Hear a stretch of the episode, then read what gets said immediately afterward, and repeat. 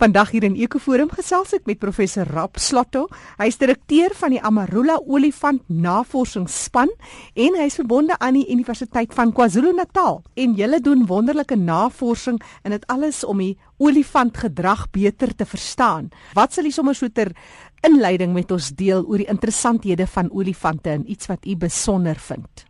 Uh, wat besonder van olifante is hulle trop die maar nie net 'n trop die soos 'n impala nie uh, hoe hulle sorg vir vir uh, die kinders en die familie en die kompleks uh, kultuur wat hulle het uh, maak hulle 'n uh, unieke dier.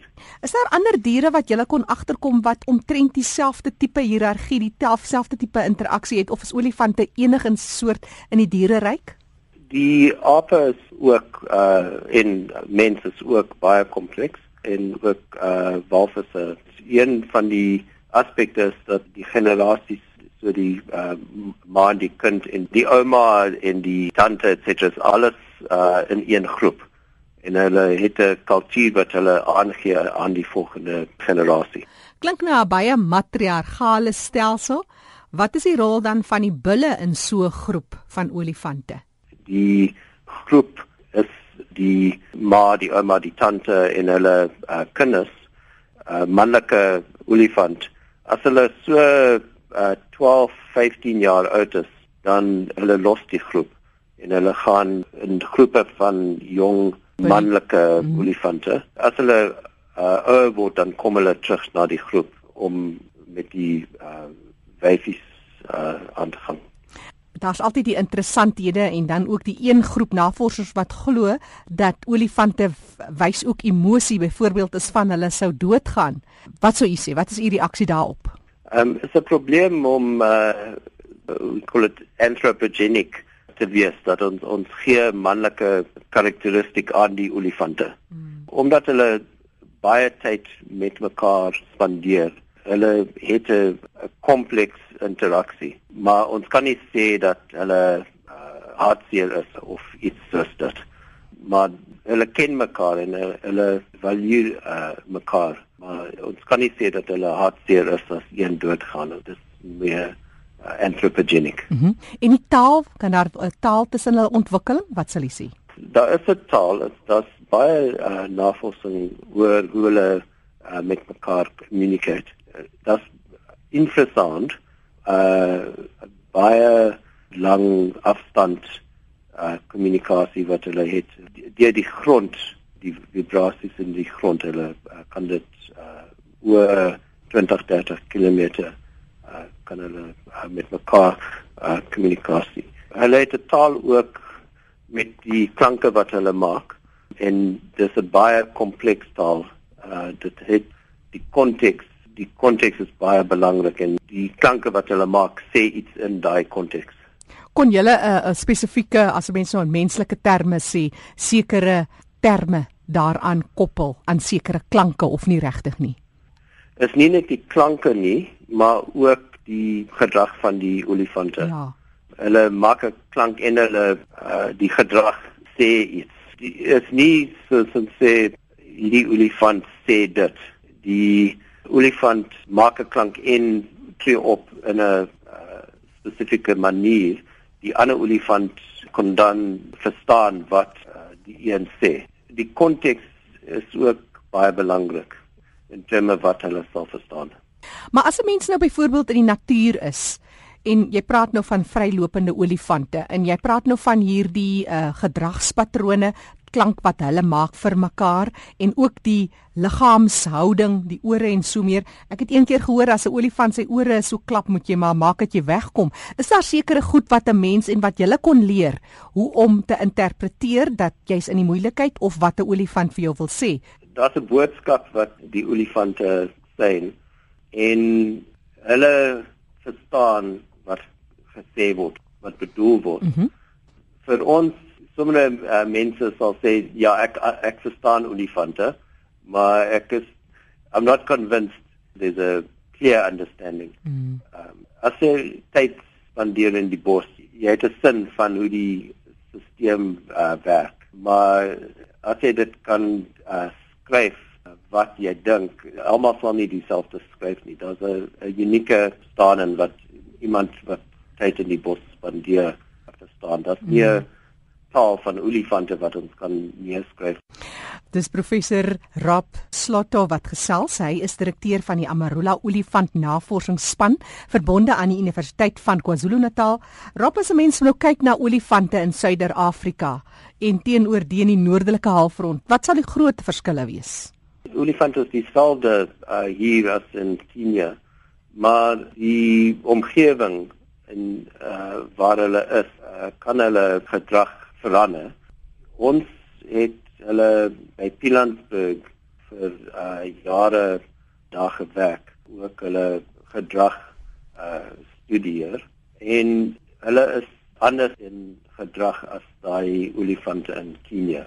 Dit is dieselfde struktuur en uh, van 'n olifant hulle eet, hulle drink het, maar die gedrag verander en dit is hulle se wees van Kruger Park se uh, uh, culling en hulle het nie korrek kultuur as hulle uh, groot geword en ons kan sien dat hulle is nie dieselfde in hulle gedrag hulle, hulle lyk dieselfde maar die gedrag is anders. Waar sal mense toeskryf? Wat is dit wat dit eintlik is? Is dit die groepsverband? Hoe verskil dit? Daar's aspekte van hulle uh opvoeding wat uh onbreek is. Die matriarch al die kultuur het was nie daar in Pilansburg. Mm. En die jong olifante moes net leer sonder uh uh enige leiding, enige onderrig. Um en hulle het nie die uh, geleer hoe om korrek in bedreigende konteks hulle self te dra. Ons het uh die uh, klank van leeu's playback to die olifante in Kenia en Amboseli en in Pilansburg. Die diere in uh, Pilansburg het nie dieselfde gereageer. Die ou olifante kan die bedreiging korrek definieer. As daar net een olifant is, hulle gee nie om. As daar 3 olifante is, dan gee hulle om en uh, hulle reageer in die korrek uh, man manier. Hulle kan uh, manlik uh, leeu hoor en dan reageer hulle. As as hulle die uh, wyfie hoor dan reageer hulle nie. Die Pilansburg elephants hoe uh, hulle uh, hoor 'n leeu dan is dit 'n leeu. Hulle uh, reageer altyd baie streng. Dis 'n uh, risiko as 'n ma met hulle kinders daar is. So die Pilansburg uh, olifant het nie die korrekte reagering vir die konteks wat hulle hoor en hulle het nie geleef uh, geleer van hulle maas of oumas en dis die kultuur van die olifante wat uh, baie belangrik is Rob as jy nou iets kan uitsonder na aanleiding van julle navorsing. Kyk, olifante se gedragspatrone seker ook uit die aard van die saak verskillend van vrylopend teenoor diefdiere in aanhouding. Maar wat sou van julle voorstelle wees hoe integreer 'n mens hierdie olifante gedrag as daar 'n interaksie is byvoorbeeld met mense, met ander diere? Wat van julle voorstelle? Die olifante is nog olifante. Die probleem met die uh die olifante wat uh so gevange is en met uh uh mense op hulle rug ry. Dit's 'n risiko want ons verstaan nie hoe 'n olifant in elke situasie sal reageer. Jy kan nie sommer in in 'n klein area die korrekte omgewing vir 'n olifant uh kry nie. Ons het die stres van die olifant uh, vermeer in hulle uh, dan. Ons het gesien dat as die mense op die rug van die olifant ry, is die stres hoër. Die uh, uh streshormone as dit meer te hoor en dit sê vir ons dat hulle uh, lyk asof hulle gelukkig is, maar daar is stres en ons weet nie of hulle sal reageer op een dag in 'n in 'n aggressive uh, manner. Mm. Hulle is nog olifante en ons verstaan nie al die konteks hoe hulle sal reageer in in die konteks. So dit bly maar 'n uitdaging en dit bly maar half amper 'n risiko om daai interaksie moet jy nooit van selfsprekend aanvaar dat die olifant so sou reageer nie. Ja, dit is 'n risiko en het, ons kan nie sê wanneer 'n probleem sal opkom nie. Ons verstaan hulle nie goed genoeg nie. Olifante hou mos ook van 'n soet dingetjie, die marula plant is vir hulle 'n lekker ja, die marula uh, plant is baie belangrik in die uh, omgewing en op tye van die jaar eet graag die uh, vrugte. Daar's ander plante wat ook uh, belangrik is, maar die uh, amarula boom is 'n uh, belangrike boom in die omgewing. As jy wil sê jy gaan jy sien die mooi groot amarula bome wat uh, daar staan, hulle is belangrik. Daar's skade wat hulle aangee, daar's uh, vrugte, daar's ook hulle uh, pomp die nutrients van diep in die grond op na die na die gras en, en jy kry dan 'n uh, goeie veiding vir die ander diere. Ek dink wat uh, miskien interessant sou wees is die werk wat ons op die fisiologie en die stres van die olifante gedoen het om te aan verstaan hoe uh, om bes die uh, management uh, te plan vir olifante in die, die klein uh, reserves nie net in die Kruger Park en ons sien hulle het toevlugsoorde waar hulle gaan as die stres hoog is. Hulle spandeer 'n paar dae in hierdie toevlugsoorde en dan dan kom hulle weer uit. Uh, ons kan sien van hoe hulle deur die omgewing loop as hulle vinnig loop of stadig loop. En ons sien hierdie areas gange wat hulle baie vinnig deurloop om van een uh, plek tot die ander uh, in die wildtuin uh, uit te kom. En hierdie tipe verstaan en dan die uh, bewaarders kan hierdie areas waar hulle toevlugs oor het kan hulle uh, vir mense sê jy, jy kan nie daarin gaan nie. Dit is die plek vir die olifante om te om te chill out. En dit is baie belangrik as daar risiko is tussen die olifante en die mense. Daar is 'n paar van hierdie uh, klein areas wat uh, probleme met die olifante gehad het. En uh, verstaan van hierdie toevlug uh, belangrik om hoe bes jy kan toeriste in die uh, area waar die olifante is, the best experience kan hê. Dat dit 'n interessante dier is, is 'n feit. Is Prof Rob Slotto wat so met ons gesels het oor die navorsing wat hulle doen. Hy is die direkteur van die Amarula Olifant Navorsingsspan by die Universiteit van KwaZulu-Natal. Is daar dalk 'n webtuiste waar mense bietjie meer kan oplees oor wat julle doen van die interessanthede en so meer?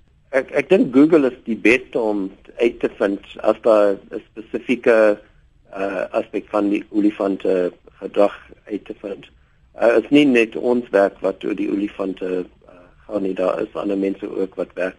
En ek uh, vind as ek vrae het, ek, ek gaan na Google en ek, ek vind uh, daar's baie uh, plekke waar mense uh, information kan gee. Baie dankie professor Rob Slotto van die Dit is 'n plesier. en soos jy hoor, beveel prof uh, Rob Slotto aan dat ons almal maar deurgaan op Google interessante inligting wat daar is. Maar indien jy met hom wil gesels vir homself 'n vraagie wil vra, sy e-posadres is slotto is s l o t o w by dis UK Universiteit van KwaZulu-Natal ikzn.ac.za. Ek herhaal, slotto is s l o t o w by ikzn.ac.za